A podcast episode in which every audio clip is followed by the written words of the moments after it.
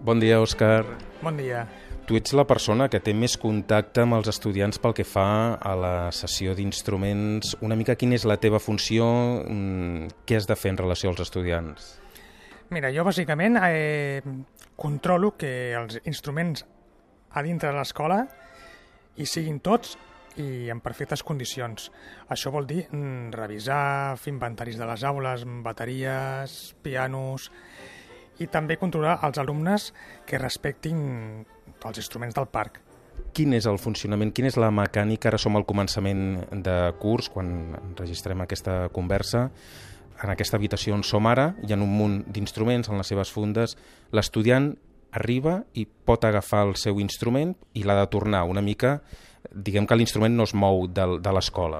No, l'instrument no, no, surt, no surt de l'escola. O sigui, la, la funció de per instruments és que aquests instruments tu els pots utilitzar durant l'estona que, que calgui, en classe, com a estudi, i llavors es torna al mateix dia. O sigui, no és un préstec de, de mesos ni d'anys, o sigui, és un préstec diari.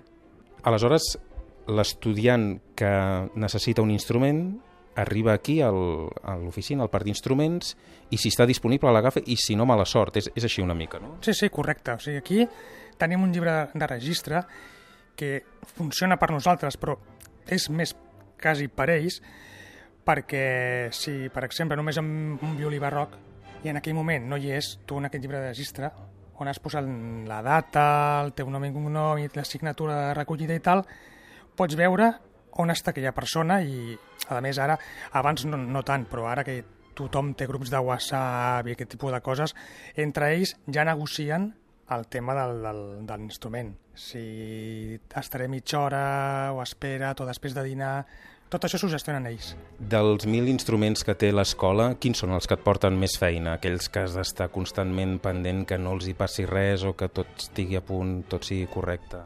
Home, el tema de, de percussió mm, és, és el que dona no més problemes, eh, sinó que hi ha un número molt elevat de referències. Llavors, en, en una aula petita, com pot ser la de percussió moderna, on hi ha tres armaris, tu quan obres aquelles portes veus que hi ha tantes referències com, o més que en el parc d'instruments. Entre escaiots, mare meva, caixixis, allà hi ha, hi ha de tot. I allò et genera un inventari que pot durar bastant, la veritat. Percussió, percussió és, és el, més, el més bèstia que tenim en, en, en qüestió de, de, de volum d'instruments i d'inventariar. Parlaves d'inventariar, en quant al manteniment, quins són els més delicats? Sí, bueno, pianos, els, els instruments de corda, com poden ser els cellos, els violins... Tenen unes fundes rígides, però igualment sempre, sempre pateixes, els clavicèmbals també. Quan hi ha moviments de clavicèmbals ja pot haver 3-4 persones que, a veure, sempre vas patint, la veritat, perquè si, si allò et cau, la que pots liar pot ser bona, la veritat.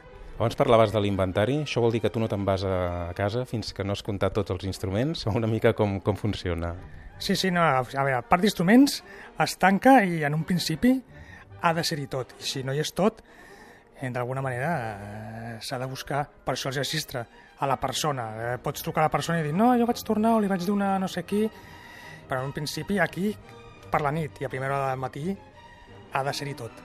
Per tant, hi ha un recompte diari, eh? Sí, sí, hi ha un recompte diari, un recompte diari. D'arcs, d'instruments, però tant de part d'instruments també com, com d'instruments que estan per les aules, que també hi ha, un, hi ha uns quants, com les bateries, per exemple, que siguin els seus suports, déu nhi I si això no fos prou feina, a més a més, el manteniment dels instruments, el contacte amb els luthiers, amb els constructors, moltes vegades ets tu la persona d'enllaç. Quina relació teniu? Bàsicament, ells, ells, ells venen cada, cada cert temps venen a, a revisar els instruments. Sí que és veritat que els afinadors de pianos, per exemple, venen, venen més sovint per la quantitat d'instruments que hi ha. Venen dos dies a setmana i revisen aquests pianos. Penso que el, el, el de vents ve un cop cada dos, cada dos mesos i revisa tots els instruments de, de vent.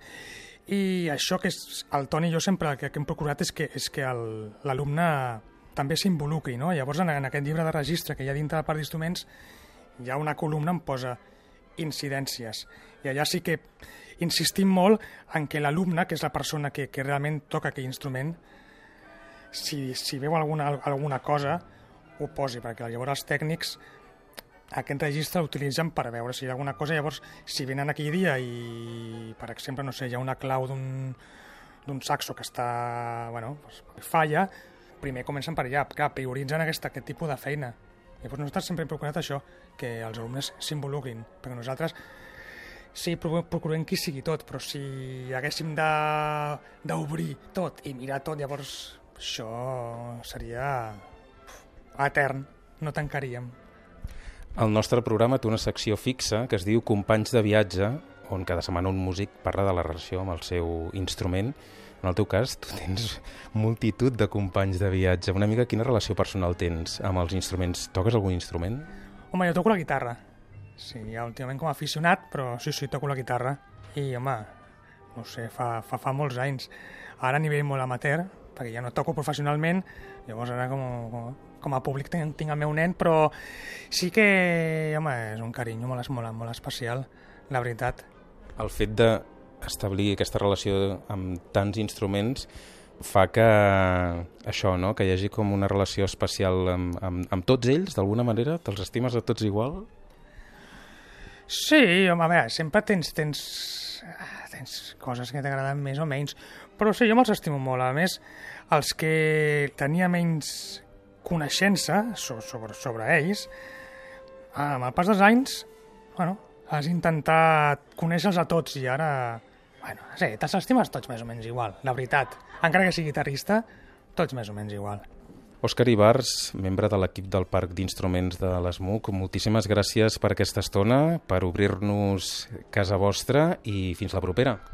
Fins a propera i gràcies a vosaltres i esteu convidats a venir quan, quan vulgueu.